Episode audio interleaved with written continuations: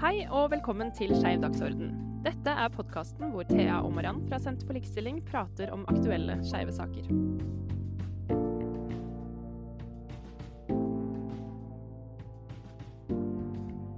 Yes. Hei, Thea. Hei, Mariann. Godt å se deg. Ja, i like måte. Nå er det jo en stund siden jeg har vært i studio. Det er sant. Faktisk en måned. For forrige episode var jo en temaepisode, og den hadde vi spilt inn litt på forhånd. Og dere kan kanskje høre på stemmene våre hvorfor vi ikke var til stede for to uker siden. Hva mener du? Litt groggy i dag, men eh, sånn er det å være menneske på denne tiden av året. Stemmer. Og så har vi jo fått beskjed om at vi høres ganske like ut på podkasten Ja. i stemmen. Og da hadde jo jeg tenkt å være ganske raus og dra på meg en god forkjølelse, sånn at vi kunne høres litt forskjellig ut. Men du er jo søren meg også forkjøla, så vi må skjerpe oss. Ja, det er jo noe med når man jobber sammen, så kan det hende man smitter hverandre litt. Sånn er det. Åssen eh, åssen går det? Eller nei, hva er det skeiveste du har gjort siden sist? Jeg har ikke gjort så mange skeive ting, men to ganger har jeg, den siste uka har jeg følt meg ganske skeiv. Fordi i går så kjørte jeg min partner Solveig på flyplassen. Hun er på jobb i Oslo denne uka. Og er det noe som heter lesbian separation anxiety? For i så fall har jeg lyst til å kalle opp noe etter det. holdt jeg på å si. Du har separasjonsangst for uh, Ikke angst, da. Det er kanskje litt for mye å ta i. Men uh, jeg bare føler at uh, lesbiske par savner hverandre mer når man er fra hverandre. Er det en dårlig hypotese? Nei, jeg tror det kan hende det stemmer. Jeg, har ikke noen andre erfaringer å vise til. Du er feil person å spørre. ja. Det kan. Hvis du har lyst til å kalle det for lesbian eh, separation anxiety Åh, Kan vi ta det på norsk? Herregud. Lesbisk separasjonsangst. Ja. Det var veldig traust, egentlig, på norsk. Ja, det var det. Ja, nei, men det er greit. Hva var den andre tingen, da? at jeg har jo uh, kort hår. Det er jo eh, på, måte, på mange måter et eh, hva skal jeg si, et lesbisk kjennetegn. Eller er det mange Det er jo mange lesbiske kvinner som har kort hår. Uh, og det er ikke sånn at alle som har kort hår, er lesbiske, men uansett. Så jeg ble kalt gutt i går på jobb av en person jeg ikke kjenner så veldig godt, som sa at jeg ligna på en gutt. Og det er også helt greit, men da følte jeg meg skeiv. Ja, det, man blir singled out litt da. Og hva med deg, da? Har du gjort noe skeivt eller følt deg skeiv i det siste? Jeg vet ikke om dette her kategoriseres som skeivt, men jeg kommer til å ta det likevel. Fordi jeg har nemlig eh, hund, og i går så fikk den ene hunden løpetid. Og så har jeg lest at eh, hunder kan også få menssmerter eh, og kramper, sånn som mennesker kan. Og siden vi er to personer med livmor i vårt, eh, vår husholdning, så var det bare en selvfølge at eh, vår hund skulle få varmeflaske på magen i går. Så hun lå der med eh, Hun lå på ryggen med den varmeflasken og koste seg, da. Å, lille snerteberte. Ja. Hunden min heter Snert. Ja. Åh, Så har jeg vært på Klubb Skamløs, da. Det er jo kanskje enda skeivere.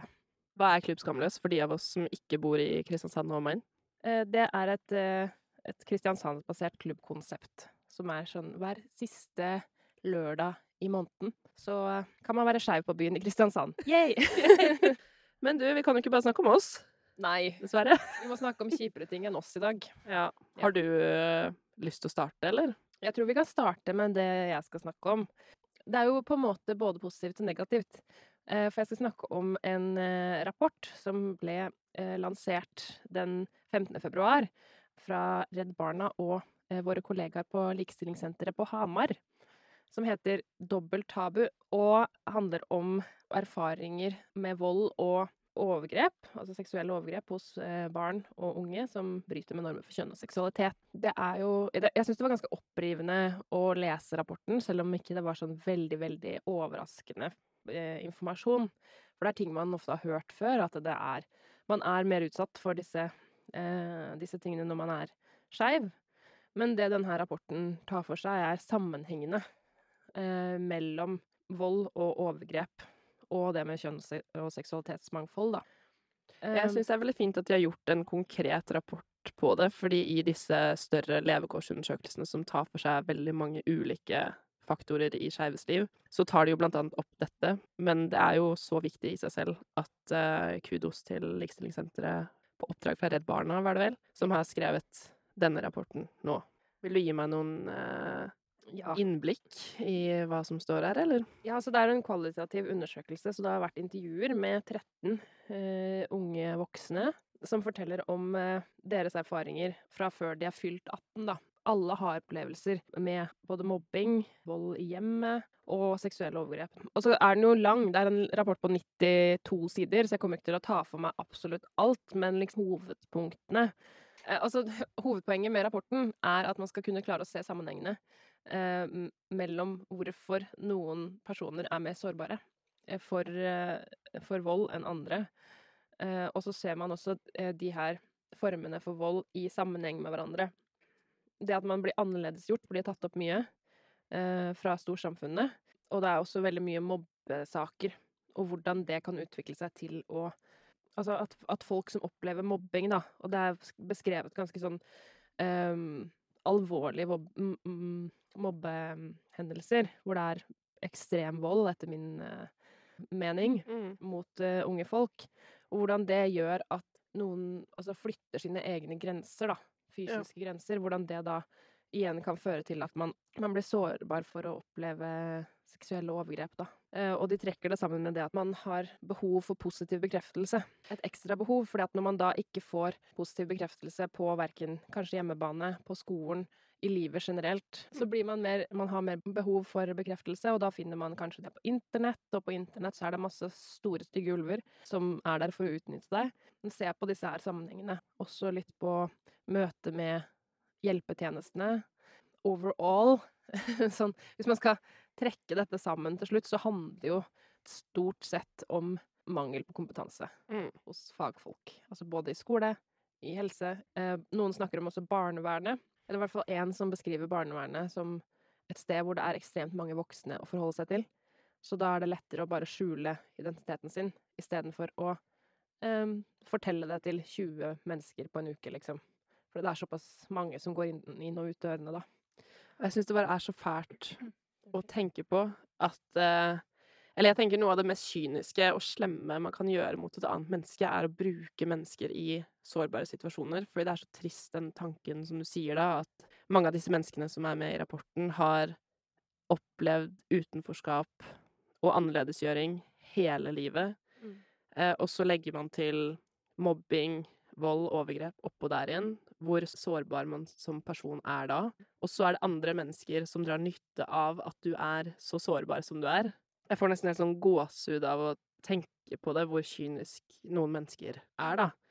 Det disse menneskene her trenger, som har opplevd disse tingene, er jo kjærlighet og trygghet, som er liksom på bunnen av uh, Maslows eh, behovspyramide. Å føle at man hører til et sted, og at man har mennesker rundt seg som er glad i deg for den du er, og som gir deg den tryggheten du trenger. Men så er det jo drittfolk, da, her i samfunnet vårt, for å si det rett ut. Og så tror jeg det er mange som begår disse overgrepene, som ikke skjønner selv at de gjør det. Det blir beskrevet liksom måter det blir gjennomført på. Ofte så kan man bruke liksom heteronormativitet eller, eller cis-normativitet imot den personen som er normbrytende. At de blir pressa til å passe inn i, i en, ditt bilde av hvordan ting skal være, da, seksuelt for eksempel. Og så er det noen som er sånn helt uh, horrible, hvor det er noen som har blitt uh, Altså rett og slett voldtatt på åpen gate, hvor folk ikke brøyt inn, da. Og da har denne her personen uh, opplevd tidligere at lærere ikke har brutt inn når, når hen har blitt mobba på skolen. Så da får man jo en sånn internalisert skamfølelse, eller internalisert homofobi eller transfobi eller sånne ting, som gjør at man, man tenker at dette er vanlig, på en måte, eller dette er noe som, som jeg må oppleve fordi jeg er den jeg er. Um, når det da ikke er noen som bryter inn.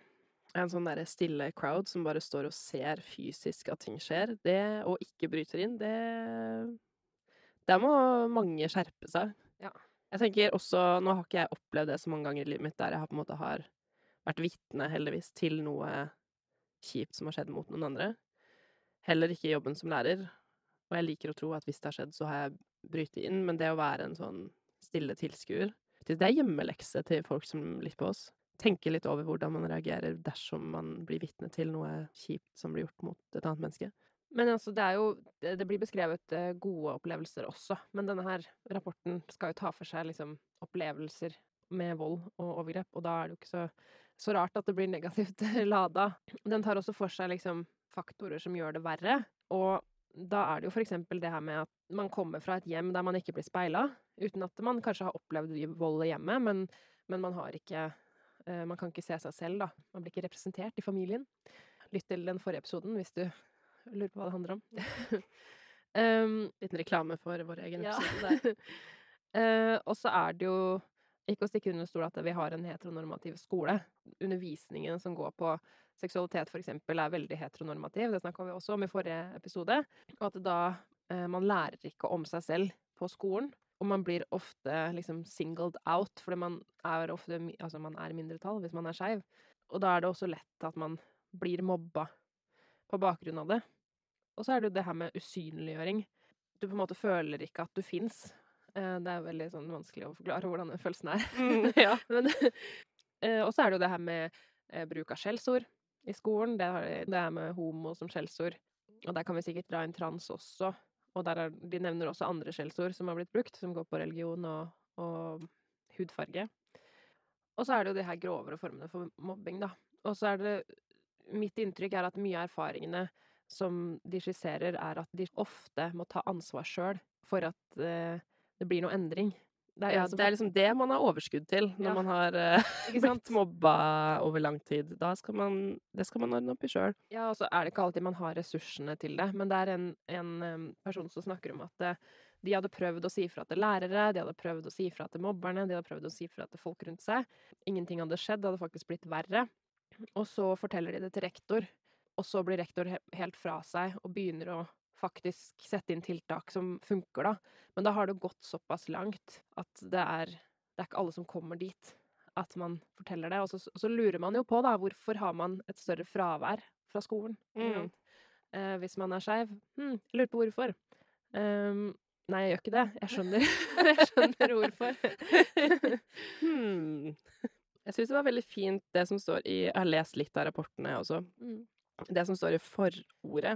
Å være i verden som skeiv kan oppleves som både en feiring av normbrudd og annerledeshet, og en frykt for hvordan omverdenen vil møte oss. Og så har de henvist til en tekst av eh, Frida Åndevik, som er veldig søt, eh, i hennes sang da 'Danse og grine'.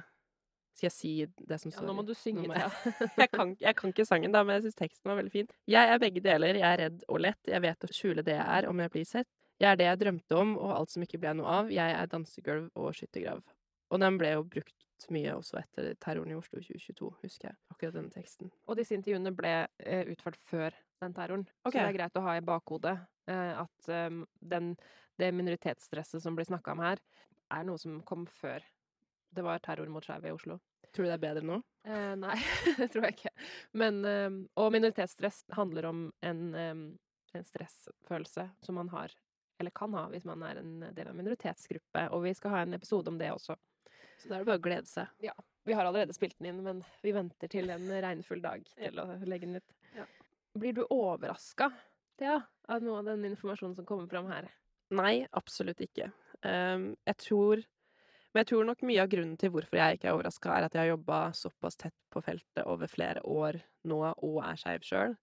Så jeg tror egentlig at sånne typer rapporter sånn som dette, og de andre levekårsundersøkelsene som har kommet ut, av erfaring så vet jeg at det overrasker folk som ofte da er en del av majoritetsbefolkningen, eller som ikke er skeive sjøl. Så for meg så er det dessverre ikke overraskende, men for mange så er det nok det. Jeg satt og så på um, lanseringa av den her eh, rapporten, som eh, ba, Ja, den dagen den ble lansert, da. eh, og det jeg beit meg merke i, var at eh, alle de skeive organisasjonene, og også eh, Silje Mathisen, som, hadde, som har vært med på å lage denne rapporten, da, sa mye om det. At eh, det er ikke overraskende. Men allikevel så, så føler jeg at eh, fordi i etterkant så var det en debatt eh, hvor det var to politikere som skulle liksom snakke Eller de fikk spørsmål rundt hva skal man gjøre. For det, det kan jo ikke være sånn. Man kan ikke ha det sånn at eh, det å være normbryter skal ha så store konsekvenser for livet ditt, da. Så var det to politikere hvor, hvor den ene var veldig forberedt og hadde le, lest rapporten, det er jeg ganske sikker på, eh, mens den andre bare ikke hadde det. Winga det, liksom. hadde winga det skikkelig. Jeg, så, altså, jeg vet jo ikke hva, hva som foregikk i hodet på, eh, på denne personen, men det er, eh, var helt tydelig at man ikke var forberedt på de spørsmåla som kunne komme, da. Um, og da føler jeg at det er litt sånn et bilde på hvordan det er. At folk eh, ofte er sånn Ja, det er kjempeviktig. Og så når man da snakker om tiltak, så er det ikke så veldig mye handlingskraft, da. Det er mer sånn ja, det burde vi gjøre en gang i fremtiden. Ja, og at man ikke tar det nødvendigvis veldig på alvor heller. Det er jo det som mange skeive har følt på også. Og det er jo sikkert mange av de personene som er intervjua i den rapporten også, som på mange måter ikke følt at de har blitt tatt på alvor. Hvis man har sagt ifra gang på gang, og så blir det ikke gjort noe med, så er det jo egentlig bare en et lol moment at det står en person der og ikke egentlig har lest rapporten Ja. kanskje engang. Ja, jeg kjente litt på den følelsen, da. Ja. Så, og vi kommer til å legge ved den her linken til Likestillingssenteret, så dere kan gå inn og lese rapporten og se lanseringa eh, sjøl. Og så er det også en fin video der som er med han Karl Martin Eggesbø, som er basert på de hendelsene her, da. Men så kommer det jo med en, eh, en liste med anbefalinger i denne eh, rapporten også, om hva man kan gjøre. Så de kommer med oppskriften her. Så hvis man hadde lest rapporten før man skal ha debatt, eksempel, så, så kan det hende at man kunne hatt noen svar, da. Tips, tips. Ja. Men de anbefalingene er basert på funnene i studien, så har de utarbeidet anbefalinger for forebyggende arbeid, så vel som for hvordan sikre voldsutsatte skeive et likeverdig hjelpetilbud. Normkritikk innføres i barnehage og skole. Eh, inkluderer skeive perspektiver som en del av undervisningen. Nulltoleranse mot identitetsbaserte skjellsord i skolen. Helhetlig seksualitetsundervisning. Styrke seksualundervisningen i lærerutdanningen. Fag med studiepoeng i normkritiske perspektiver ved høyskole og universitet. Etterutdanningstilbud for barnehagelærere og lærere. Kompetanseheving for alle som jobber med barn, og hvordan samtalen med barn og eh, unge om overgrep og vold. Obligatorisk kurs i inkluderende språkbruk samt vold og overgrep i et skeivt perspektiv for hjelpetjenester som møter voldsutsatte skeive. Kunnskap og, om, eh, kunnskap og bevissthet om minoritetsstress for hjelpetjenester som møter voldsutsatte skeive, og mer forskning på feltet. Så da har vi jo en lita oppskrift. Og det, det som er litt ironisk, er jo at veldig mange av de tingene her finnes Ja. som tilbud allerede. Yep. Via oss, via Fri Rosa kompetanse. Skeiv ungdom. UiA har jo nå en etter- og videreutdanning som starta i går, Mm. faktisk, på kjønnsmangfold og seksualitetsmangfold, som både lærere og barnehagelærere kan ta. Ja, dette Og- semesteret starta i går. Ja, dette semesteret starta i eh, går. Vært før, ja. Så det er bare å ta i bruk de eh, ressursene som finnes der ute. Gidde å gjøre en innsats, tenker jeg, på å finne ressurser som fins, er eh, Ja. et minimum, syns jeg. Ja, Enig. Er du ferdig? Eh, ja. Jeg har lyst til å snakke om fotball, jeg, skjønner du. Å, guri. Jeg valgte favorittingen til Marianne å snakke om i dag. Ja, det er greit. Vi kan snakke om fotball. Men det er knytta til skeive ting, da, så du liker jo 50% av det jeg skal snakke om. Ja. Kjør på. Hva har du å si om fotball? Hva har jeg å si om fotball? I februar så markeres den internasjonale kampanjen Fotball versus homofobia for 15. gang. Og det er jo bra. Eh, Så i hele februar så har altså denne organisasjonen som, som, som står bak tiltaket, oppfordra internasjonalt da fotballklubber å jobbe med mangfold, inkludering og skeiv tematikk, da. Det er bra. Det er jo veldig bra. Og fotball. Fordi det er ikke veldig mange som Jeg tror ikke det er den eneste Premier League-spiller, altså den øverste ligaen i England, Mm. som har stått fram som homofil, mens den personen da var spiller. Det er to stykker som har kommet ut etter at karrieren var ferdig. Og så er det en australsk profesjonell fotballspiller som har kommet ut mens han spiller. Så da teller vi tre stykker. Det er tre, da. I hele verden. Det er tre. Og da kan vi snakke om en promille av hvor mange som spiller fotball på, på høyt, høyt nivå. Og jeg syns dette tiltaket kanskje er spesielt viktig Nå var det jo VM i Qatar sist. Jeg vet ikke om du fulgte med på det? Fotball-VM i Jeg skjønte at det var mange som boikotta. Ja. Av mine folk, i hvert fall. ja, det skjønner jeg godt, og jeg uh, gjorde det sjøl for det, for det meste. Ja. uh, og land som Saudi-Arabia også driver jo nå mye med det som blir kalt for sportsvasking. De tilbyr mye penger til uh, fotballspillere som er på vei til å avslutte sin karriere, og så tilbyr de masse penger til disse spillerne for å få de til å spille i den saudi-arabiske ligaen. Veldig kjente fotballspillere. Og mitt favorittlag, da, Liverpool, Mm. der var det jo eh, vår kaptein som gikk til Saudi-Arabia, som tidligere har vært veldig Eller brukt stemmen sin da, for å kjempe for skeives rettigheter i fotballen. Og så går han til Saudi-Arabia for å tjene penger. Hva tenker du om det, Mariann? Få se på fjeset ditt nå, så jeg bare måtte spørre. Nei, jeg blir sånn Jeg blir matt og irritert av dobbeltmoralen som fins, og når at folk er så griske at det bare handler om penger. Men ja. Enig. Jeg er veldig enig i det.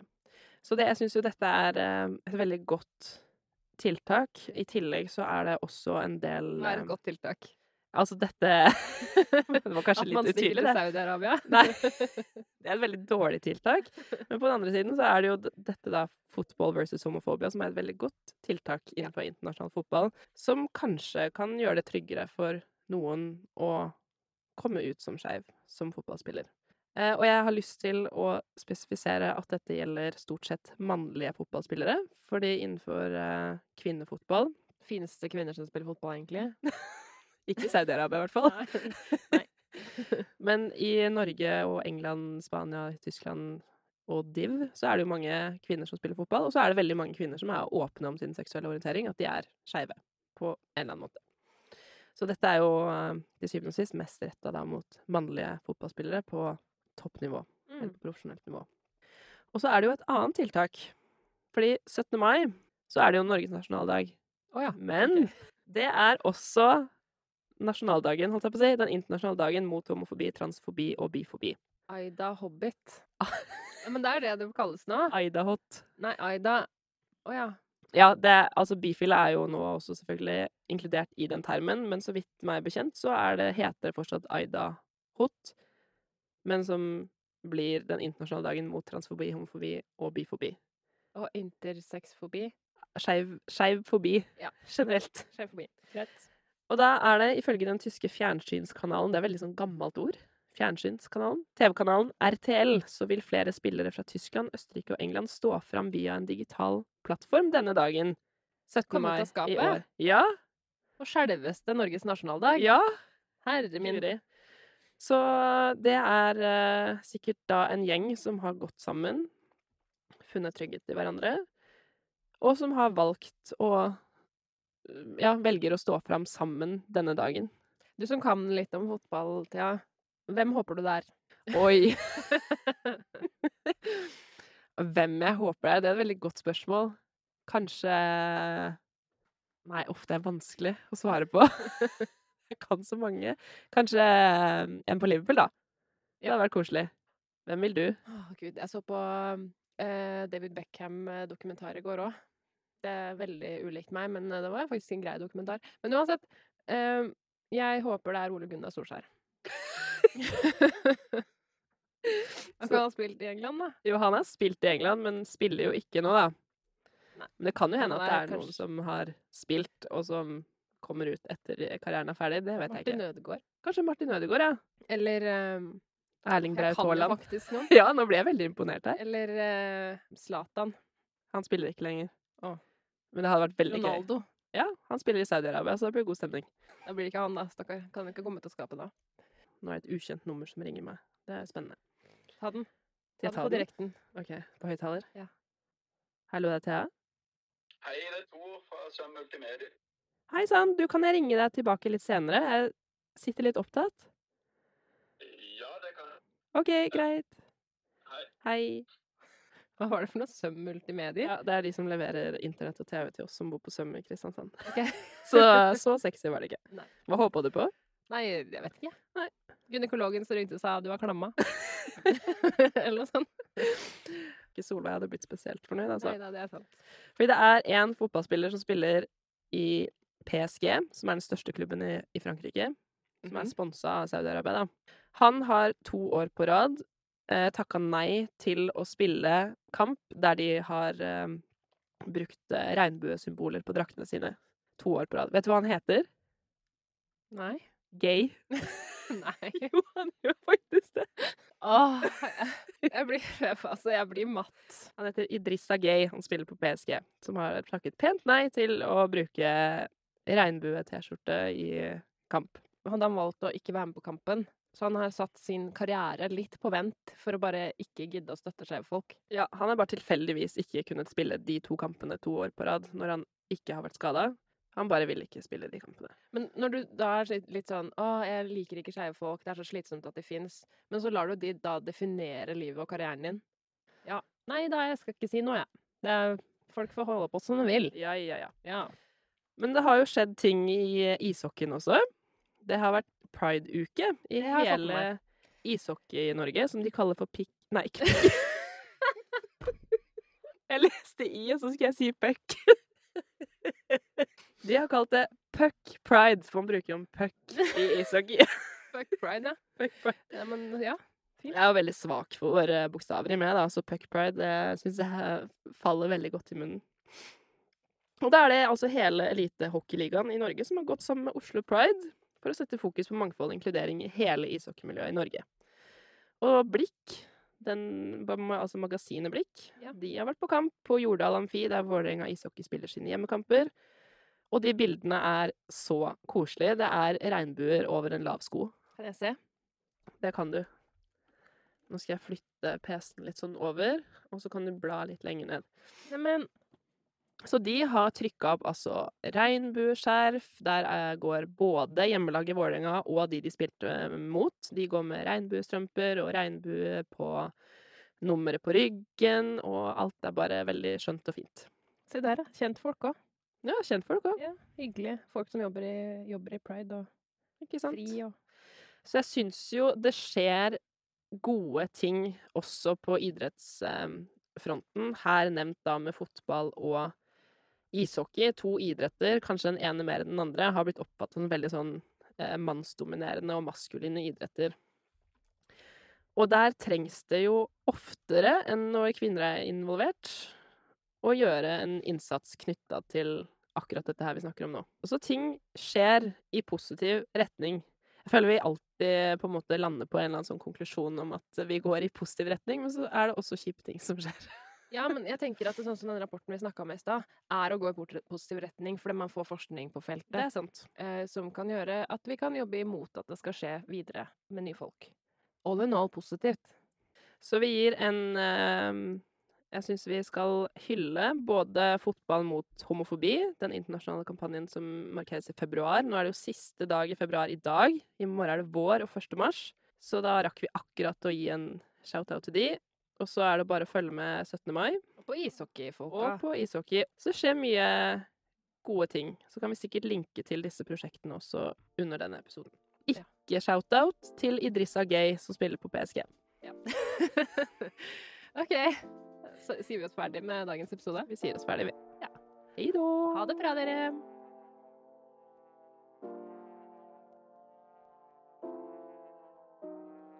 Takk for at du lyttet til denne episoden. Om du vil høre mer, så følg oss i din foretrukne podcast-app. Skeiv dagsorden er produsert av Thea Litchi og Mariann Skretteberg Andersen ved Senter for likestilling på Universitetet i Agder. Du kan lese mer om vårt arbeid på www.uia.no senter for likestilling. Musikk er laget av Mathias Leander Olsen. Episodene er redigert av Mariann Skretteberg Andersen. Foto er tatt av Knut Knutsen Eigeland, og det visuelle er laget av kommunikasjonsavdelingen ved UiA.